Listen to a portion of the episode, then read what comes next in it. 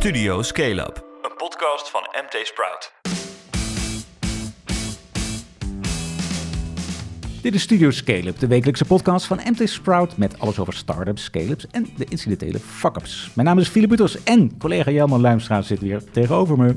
Hallo Flip. Nou ja, vorige week eh, waren we er even niet, hè? Want jij voelde Nee. je niet zo lekker. Ja, ja, ik voel me echt bekocht. Dus ik had wel, lag ik drie dagen eh, in bed, maar het was griep. Ik heb PCR-test, het was geen corona. Dus ik heb behalve eh, koppijn heb ik er niks aan overgehouden. Geen aantekening of niks. Ja, dat kan ook nog gewoon, hè? Dat je geen corona hebt. Ja, Ja, ja. Nou goed, ik ben er deze week weer even, want Maarten die eh, ligt nog steeds in de lappenmand. Die Precies. zal eh, mogelijkerwijs de komende tijd er ook even niet bij zijn. Nee, dus daar moesten we vorige week overslaan. En nou, dank voor alle beterschapskaarten en steunbetuigingen. En ik werd overstelpt.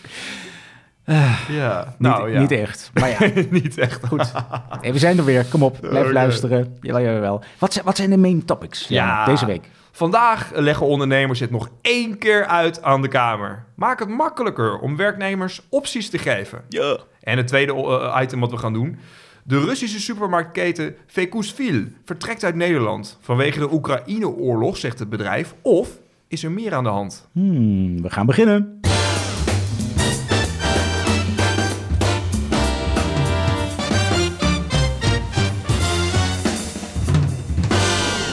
Maar eerst even ander nieuws over startups en scale-ups. Overnamegeruchten, die steken de kop op rond Just Eat Takeaway. Zo. Ja, volgens het blog Betterville heeft Uber, Uber zeggen ze daar in Amerika, heeft, ja, ik, nou oké, zeggen we Uber of Uber? Uber. Maar Uber gewoon hoor. Belangstelling voor het bedrijf van, van Jitse Groen. Zijn maaltijdbezorger die zou zelf ook al strategische opties bekijken. Ja, dan weet je het wel. Er zijn zakenbankiers voor ingehuurd, alles de geruchten. Dus dat betekent het van ja, gaan we met private equity, gaan we met, eh, met strategische overnamepartij. Het zijn geruchten, maar nogmaals, ehm Hmm. Just Eat Takeaway, dat draait vooral in West-Europa goed. Ze hebben natuurlijk die eh, Grubhub in, in Amerika overgenomen. Dat, ja, dat, eh, dat, dat moet even door pijn heen, zullen we maar zeggen. Ehm, maar het zou nu een goede aanvulling zijn op de Uber Eats business. Nou, beleggers reageerden hoopvol. Ehm, die gaven de koers een kontje, heb ik dan geschreven. Nou, hè, disclaimer, ik heb ze ook in portefeuille en het is echt dramatisch. Dus Oh ja, ja. ah, ja hoe objectief kan jij hierover verslaan? ja, eh, daarom. Flip? ik mag Eh, er nik- nou, ik moet echt de grootste onzin ver- verzinnen om dit Ja. aandeel nog terug te krijgen op het niveau waarop ik Nou, het heb ik- gekocht. Maar ik wens Jitse Groen echt, echt wijsheid en, en Ja, maar ik gewoon dat vind- hij zijn zin krijgt. Jitse Groen moet lekker gewoon een zelfstandig bedrijf Ja, worden, toch? rot Niet op, onderdeel Uber. van het verschrikkelijke Uber worden. Toch? Lekker Nederlands blijven. Verdomme. En dan krijgen de aandeelhouders krijgen dan vaak een premie bij zo'n overname van Ja. 15%. Ik hoef geen 15%, ik wil gewoon een mooi bedrijf. Jetse, als je luistert, niet doen. De volgende. Een opmerkelijke stap van Zeepje. Dat nodigt zijn concurrenten uit om zijn duurzame was- en schoonmaakmiddelen na te maken. Daarvoor deelt het de formule van zijn allesreiniger. En eh, ja, dat is geen marketingstunt, zegt medeoprichter eh Jasper Gabrielsen. Hij had namelijk de meeste van zijn eh, bijna 5 miljoen euro omzet uit duurzaam wasmiddel. Oké, dus het recept, we gaan het namaken. Het is een beetje open source, hè? net zoals Elon Ja, Musk en, en Elon Musk. dergelijke ook wel doen. Nou, Dus wat toevallig leuk, dat je over Elon Musk begint. Hij is namelijk opnieuw vader geworden. Ja, dat is het volgende. Hij heeft het tweede kind verwekt eh, met zangeres Grimes. What? Hij had een eh, zoontje, X, eh, maar die heette dan voluit X, AEA12, weet ik veel. Dat is, dat is wel echt nerd, dat snap hè? Ja. Nu is het een dochter, roepnaam Y, maar voluit heet ze Exa Dark Citadel. Ah, het meisje is in het geheim, met behulp van een draagmoeder, ja, opgegroeid en, en, en geboren uit die draagmoeder.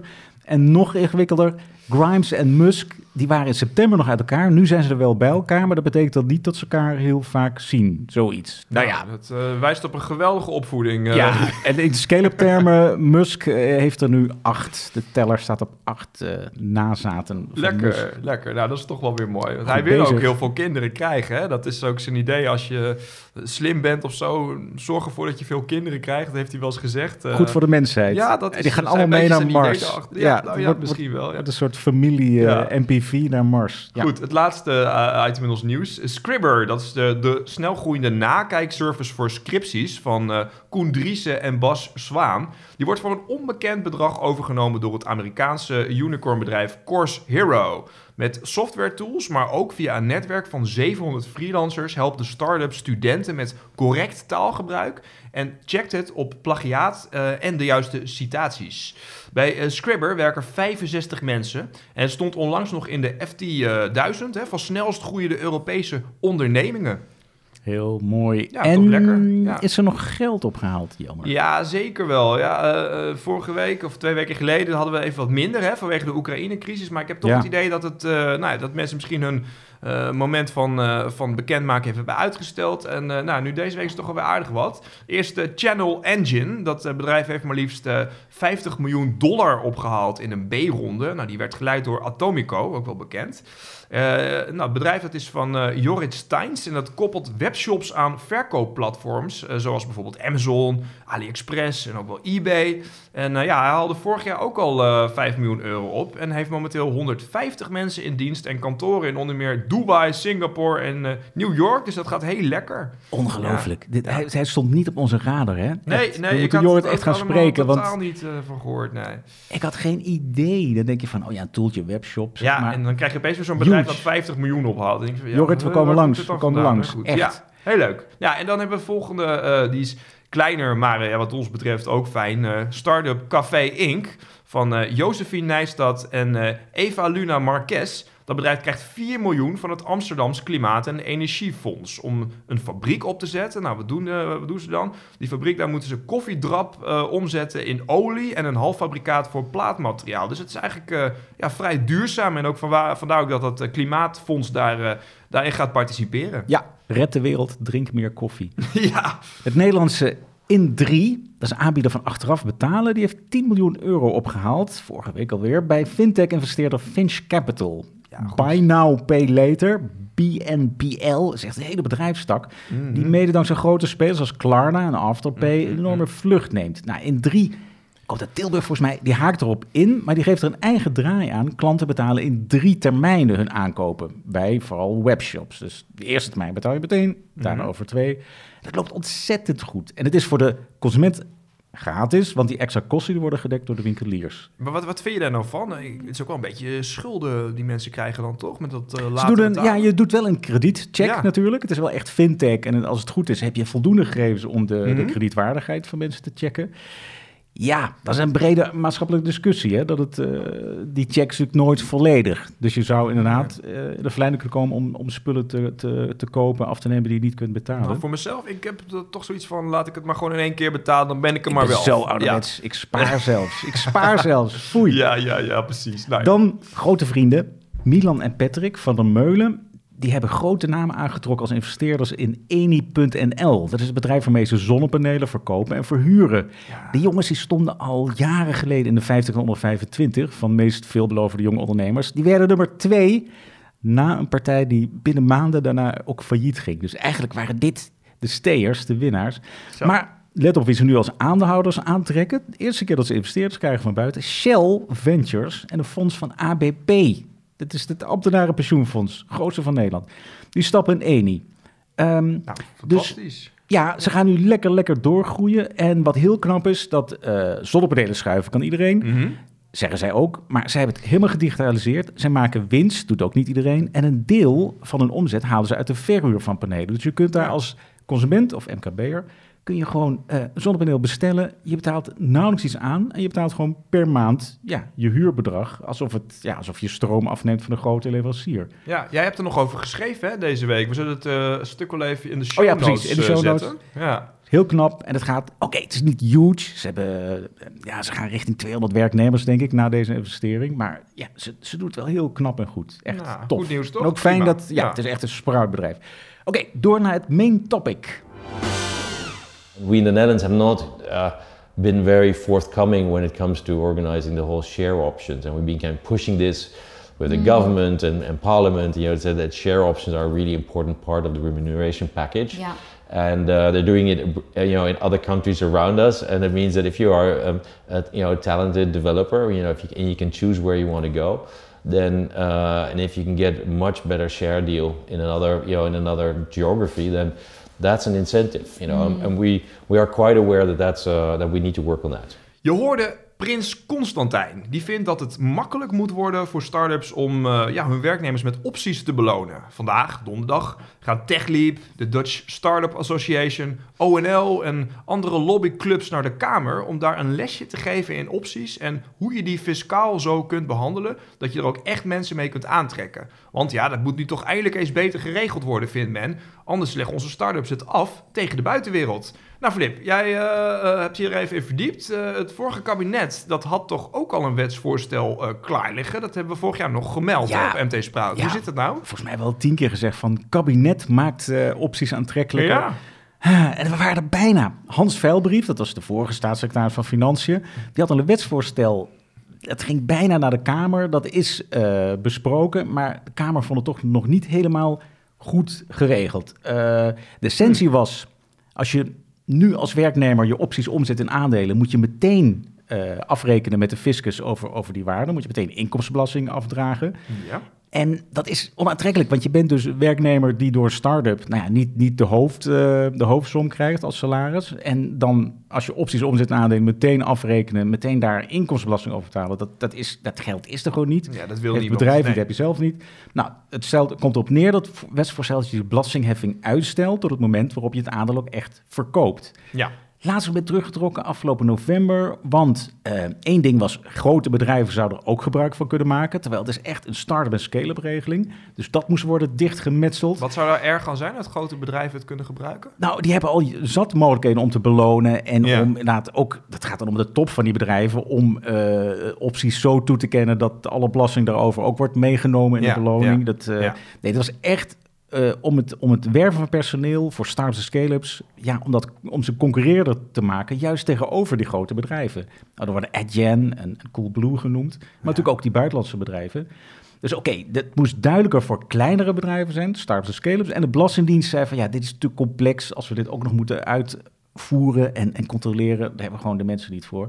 Ja. Nou, hup, het zou 1 januari ingaan en helaas ja. werd teruggetrokken. En, en nu begint dus alles, begrijp ik weer, van voren af aan. Waar staan we nu een beetje? Ja, nou ja, uh, Veilbrief was er weer opgevolgd door Marnix van Rij. Ja. Um, Veilbrief had beloofd, voor 1 februari pas ik het wetsvoorstel zo aan dat het, dat het wel de goedkeuring van de Tweede Kamer kan wegdragen. Nou, dat is natuurlijk nooit gelukt. Dat is een nieuw kabinet, nieuwe minister, nieuwe staatssecretaris, nieuwe Kamer ook. Ja. Um, maar er ligt een ontwerp. Uh, die aanpassingen zijn niet, niet heel, heel groot. Ja. En dat gaan de start-ups dan nu uitleggen moeten, of zo? Of ja, eh? vanmiddag moeten die dus die Kamerleden hmm. weer even bijpraten. Ik sprak Lucien Burm, die is ondernemer, maar vooral ook voorzitter van de DSA, hè, de Dutch Startup Association in ja, deze. Ja, daar kennen we van. Vroeg me even, wat, wat wil je nou bereiken? Want uh, ja, er ligt wel iets. Hij vertelt nu even wat hij gaat vertellen, wat hij uitleggen gaat. Nou is het enige wat er eigenlijk echt veranderd is, is dat dat heffingsmoment uh, verplaatst is. Dus je mag wachten tot uh, de aandelen verhandeld worden. Maar daar hebben wij dus wel een paar kanttekeningen bij. Hè. Behalve dus dat ze op moeten schieten, is het zo dat uh, uh, ten eerste uh, heb je dan nog steeds een issue. Hè, want het feit dat ze te verhandelen zijn, betekent niet automatisch dat je alles maar wil verkopen. Je wil misschien nog wel vijf tot tien jaar aanhouden.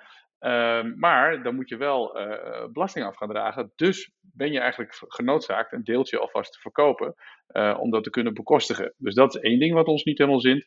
Het tweede is, is hoezo is dit box 1? en, en dat zit dus nu niet in de regeling, maar het wordt ook belast als loon.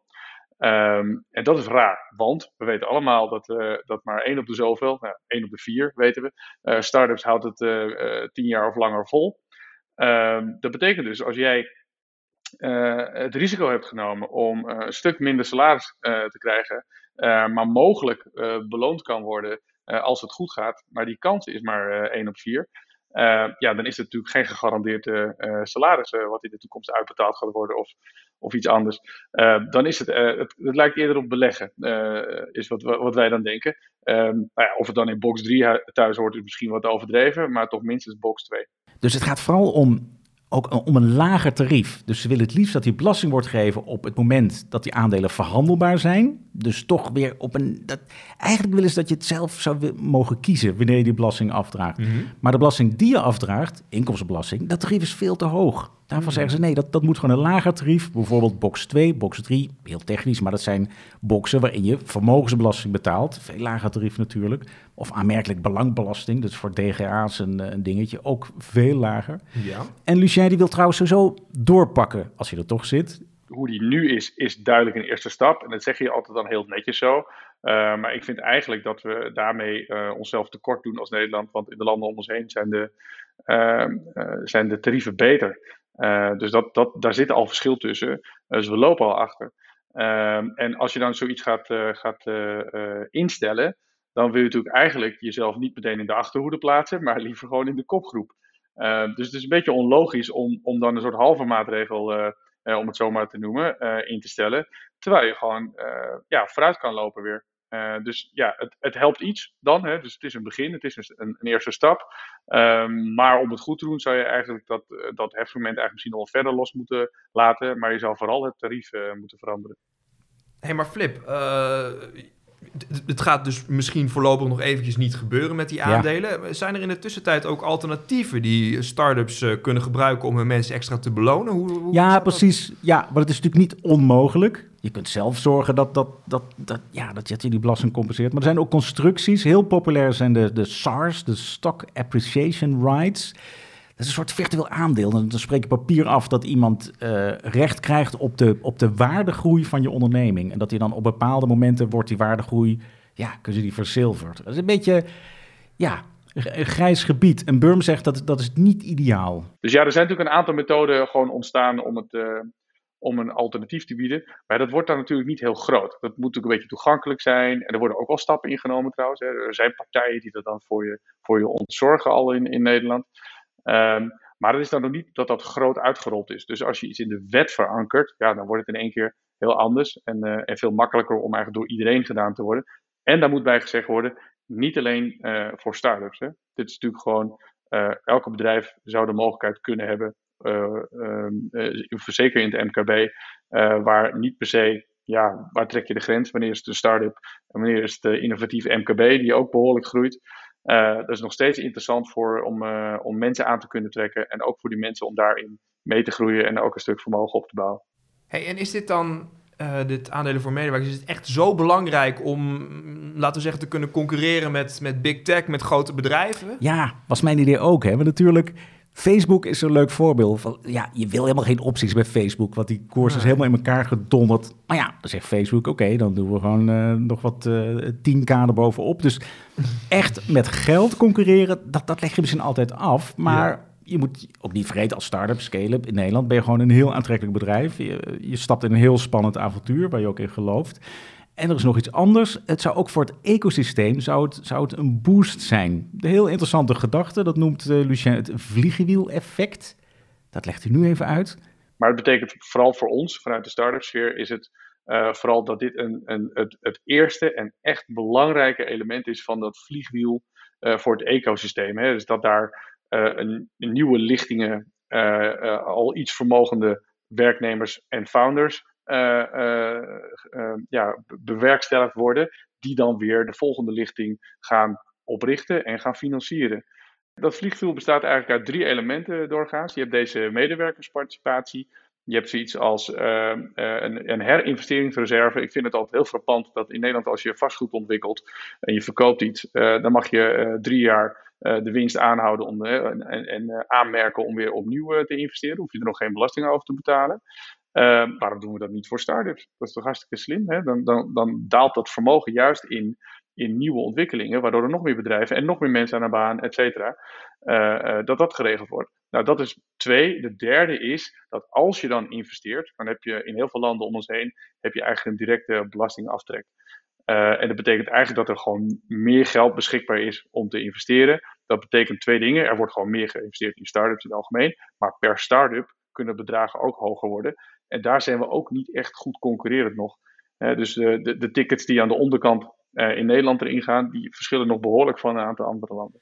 En nou hebben tegelijkertijd eigenlijk allemaal partijen in de Tweede Kamer en ook in de regering die hier wel aan willen. Van eh, volgens mij Ja. de SP tot, eh, tot de VVD zijn ze allemaal wel voor eh, aandelen voor medewerkers. Maar toch komt het er maar niet van. Ik, ik, ik vind het zelf een beetje lang duren. Wat jij dan Het Flip? duurt echt zo lang. En het wordt bijna schande, want ehm Constantijn van Oranje, het wordt gewoon een koninklijke kwestie bijna. Ja, die is echt begonnen met dat bijna bovenaan zijn prioriteitenlijst. Van jongens, re- regel iets eh, in, in die beloningssfeer. Regel ook iets aan de investeringskant. Maak dat fiscaal aantrekkelijker om te investeren. En er is nog niks gebeurd. En straks hij heeft mij verteld van ja, ik, ik doe het nog. Wat, wat zijn we inmiddels? Nog twaalf maanden of zo? Een jaartje gaat hij Ja, nog door. zoiets, Daarna ja. moeten we moeten we kijken wat we bereikt hebben met TechLeap en of we het voortzetten en zo ja, in welke vorm. Hmm. Maar het zou erg zijn dat hij die belangrijkste dingen in die vier jaar nog niet voor elkaar heeft. Jongen, jongen, nog voor het laatste keer even Lucien hierover. En dat is dus ook het, dus het grootste probleem natuurlijk in, in, in onze wereld. Ehm, de start-ups eh, is, is natuurlijk snel. Ehm, en ehm, weet je wel, voordat er een regeling is, eh, eh, kan een start-up alweer verdwenen zijn. Hè, dus je hebt dan een, je hebt letterlijk geen kans gehad of minder kans gehad. Ehm, dus we willen graag dat tempo eh, opgevoerd zijn. Dus het belangrijkste argument wordt morgen nog steeds. eh, eh, nou, ik wil niet zeggen jaag er maar doorheen, maar, maar schiet eens op. Ehm, en als je nog een kans hebt, eh, eh, eh, eh, is het echt zo moeilijk om dat van box 1 naar box 2 te verhuizen? En waarom dan? Hey, nou Flip, all in all, welke conclusie trek jij nou precies over deze hele kwestie? Ja, ik ben het natuurlijk niet meer oneens. Het kan simpeler en aantrekkelijker, de manier waarop je beloont. Ehm, dat gebruik door grote bedrijven, nou, dat, daar is wel een mouw aan te passen volgens mij. Belastingdienst, ja, dat oké. Als het eenvoudiger wordt, misschien moeten we nog één keer naar kijken, zodat we na de Belastingdienst niet met nog meer werk eh, opzadelen. Maar die andere dingen, als die ook geregeld zouden worden, dat zou heel tof zijn. Want daar geloven we echt in, hè? dat ondernemers die succes hebben, maar niet alleen de oprichters, maar ook de top 10, 20, 30 werknemers die in het begin zijn ingestapt, die ook nou, die aandelen hebben, mee risico hebben gelopen, maar ook flink hebben gecashed, dat mag. Ja. Als dat geld ook nog eens wordt geherinvesteerd, dus niet alleen de founders, maar ook die werknemers. Dan krijg je het dan- ecosysteem. Dat vliegwiel. Ja, Ja, vliegwiel. echt. Want dat is echt het grootste onrecht, vind ik ook, dat nu kun je als domse vastgoedboer, word je stinkend rijk, doordat je iedere keer maar dingen kunt herinvesteren, een beetje met stenen schuiven. Verdomme, terwijl start-ups die de wereld echt beter kunnen maken, die moeten op een houtje bijten. Kan niet. Stop ermee. Regel dit. Per, per 1 juli, zeg ik. Per 1 juli. Our friendship began with a carton of milk. You chose us for our natural ingredients because you wanted to find the very best for your loved ones. And that is precisely what we bring you each and every day. Je hoort een fragment uit de video waarmee de Russische supermarkt Vkusvil Europa wilde veroveren. Want het is mislukt. Want Vkusvil vertrekt uit Nederland. Het was het enige Europese land waar de Russen tot dusver aanwezig waren. Het bedrijf zelf zegt dat de Oekraïne-oorlog de aanleiding is. En het heeft inderdaad Russische aandeelhouders. Maar zijn dat nou echt vriendjes van Poetin of speelt er iets anders? Jij schreef eerder over Vkusvil. Wat, wat is het nou voor een bedrijf? Ja, nou, het is eh, een behoorlijke onderneming toch wel in Rusland. Eh, ze hebben momenteel 1300 vestigingen. Eh, het is een snel groeiend miljardenbedrijf ook. Met nou, in 2020 hadden ze nog een omzet van 1,4 miljard dollar. is echt een serieus bedrijf. Nou, wat doen ze dan? Dat uh, veel, dat betekent in het Russisch zoiets als smaakdorp. Hm. En het positioneert zich dan ook als een, ja, een supermarkt met gezonde voeding. Nou, volgens eh, de oprichter, die heet eh, André Krivenko, eh, was die gezonde voeding er eigenlijk amper toen hij in 2009 begon. Ja, de melk in Rusland was kennelijk schaars in die tijd. En eh, ja, de meeste supermarkten hadden alleen poedermelk. Echt? Nou, die Krivenko zelf, die, eh, die wist dan toch van lokale boeren op de een of andere manier wist hij eh, ja, melk te regelen die gewoon echt was. En dat sloeg ontzettend aan. Nou, gezegd, er zijn inmiddels eh, 1300 vestigingen in Rusland. En nou, ze wilden ook naar Europa gaan uitbreiden. Dus in 2020 kwamen ze naar Nederland. En ze hebben hier de afgelopen jaren vier vestigingen geopend. Drie in Amsterdam en ook een speciale zuivelwinkel in Bussum. Ja, ja, ik ben in Amsterdam in een van de zaken geweest. Heel klein zaakje. Beetje, ja, lokale... Voor ons is het een beetje steg meets markt met een Q, weet je Ja. wel? Dus veel lokale producten, veel vers. Eh, best ook duur. Ik ben een krent. Ik ga liever naar de Dirk, sorry. Eh, waar ik wel biologische dingen koop. eh, geen... Maar het was een heel klein... En het was inderdaad beetje een start-up vibe had het. Want ze, ze, ze, Ja. ja. ja, ze letten heel veel op, op feedback van klanten. Als er iets niet was, kon je dan vragen. als er iets eh, niet goed was, kon je het gewoon zonder bonnetje ruilen, teruggeven, geld terug.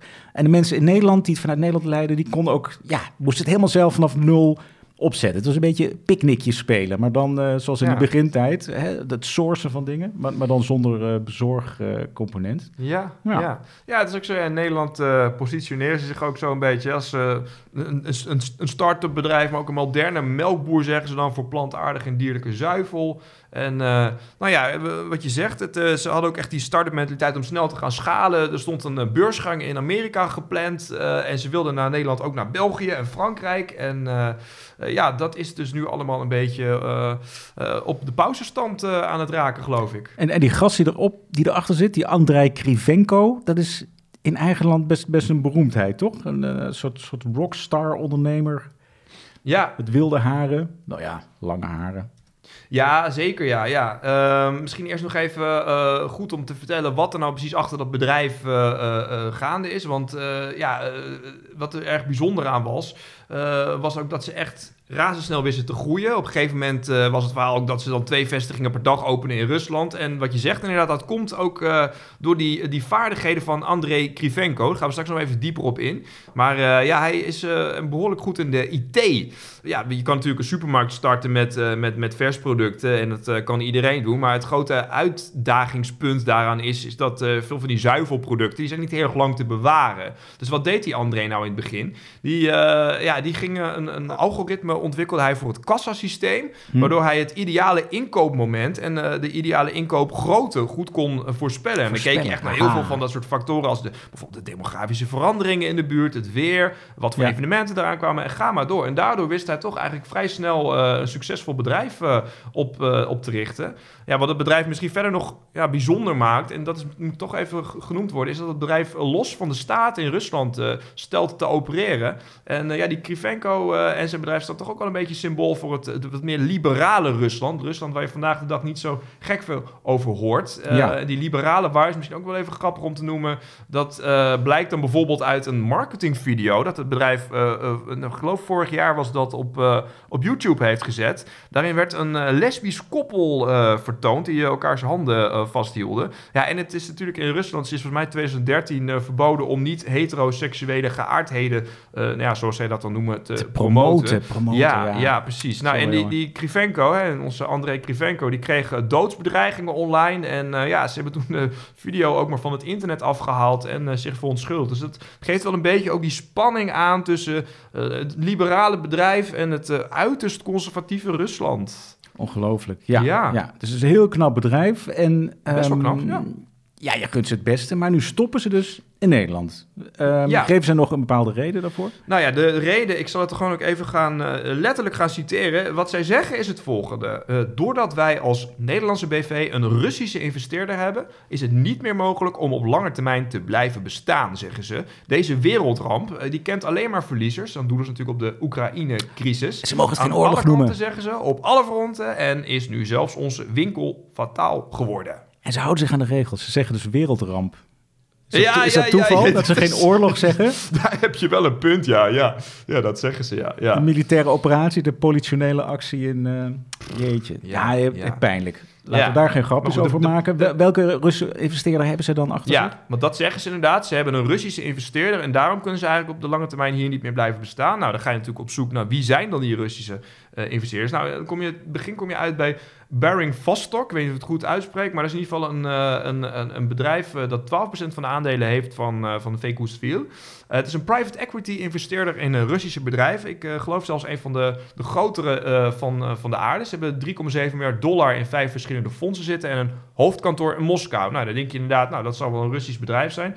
Enigszins ook waar, maar de man erachter is Amerikaans. Die heet Michael Calfee. En die, ja, die man die staat eigenlijk zelf ook een beetje symbool voor de liberalisering van Rusland na de Sovjet-Unie. Hij begon zijn eh, investeringsbank eh, in 1994 al. En eh, ja, hij kwam eigenlijk altijd een beetje op voor de Russische en Hey. westerse betrekkingen. Heeft Ja. ook een huis in Londen en, en, en in Moskou bijvoorbeeld. Maar om nou te zeggen dat hij een grote vriend met Poetin is, dat is maar te bezien. Want eh, ja, hij en drie medewerkers die werden in 2019 opeens in Rusland aangeklaagd. Omdat ze ja, 2,5 miljard roebel, dat gaat dan om 33,5 miljoen. eh sorry, we hebben het over miljoen, eh, ja, miljoen eh, dollar. Zeg ik het wel goed? Ja, miljoen dollar zouden hebben verduisterd.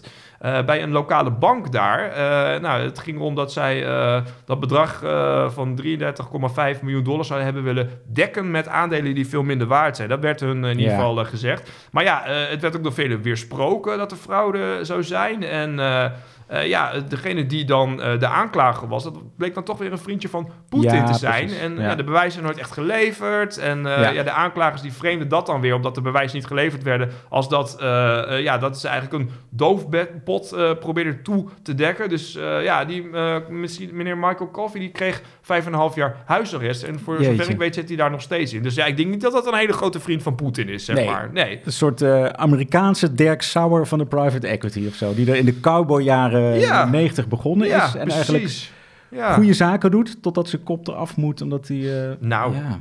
Ontzettend, ja. ja. Maar goed, en dan die, die oprichter, dat is de Ja. andere, die is nog groot aan, neem ik aan. eh, Ja, groot zeker, want aandeelhouder, dat is ook Krivenko. Dat is dus Ja, die eh, eh, coole dude. Die heeft altijd eh, zoveel mogelijk van het bedrijf in eigen handen willen houden. En eh, nou ja, nadat ik me heb laten vertellen... eh, ik heb eh, vorig jaar ook een eh, profiel over hem geschreven. Zet ik Ja. even in de show notes. Heb ik me laten vertellen dat hij ook nog steeds inderdaad... dat bedrijf ook verder niet aan, aan Russische eh, eh, staatsgebonden partijen... delen van de aandelen heeft verkocht. Het is zelf een vrij liberale kerel, lijkt het. En ook die marketingvideo waar we het net over hadden... met die, met die lesbische vrouwen. Die, ja, die- dat kwam ook een beetje uit zijn, uit zijn koker. Het is zoals gezegd een softwareprogrammeur... die ja, in eigen land zelfs wel een beetje wordt gezien als een Elon Musk. Een soort, soort geheten rockstar entrepreneur. En ja, het verhaal gaat dat ondernemers meerdere uren vliegen... om eh, ja, een half uurtje met hem eh, van gedachten te wisselen. Dus echt een vrij serieuze celebrity daar. Ja, ja. Eh, nou ja, zijn achtergrond is een beetje... Hij werkte lange tijd bij een visdistributeur. En eh, ja, in 2009 wilde hij echt wel wat nieuws doen. Gezonde voeding verkopen. Want dat was er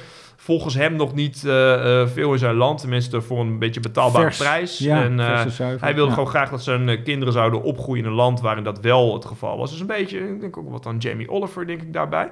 Eh, maar dan van Rusland. Hij heeft zijn bedrijf, zoals gezegd, eh, behoorlijk snel groot gemaakt. Eh, maar ja, hij blijft vooral programmeur. Hij werkt nog steeds op de IT-afdeling bijvoorbeeld. Een beetje zoals onze eigen Adriaan Ja. Mol hè, bij Ja. Molly. Ja, hij wil geen grote leiderfiguur zijn, die André Krivenko. En ja, dat is dus ook wel weer eigenlijk...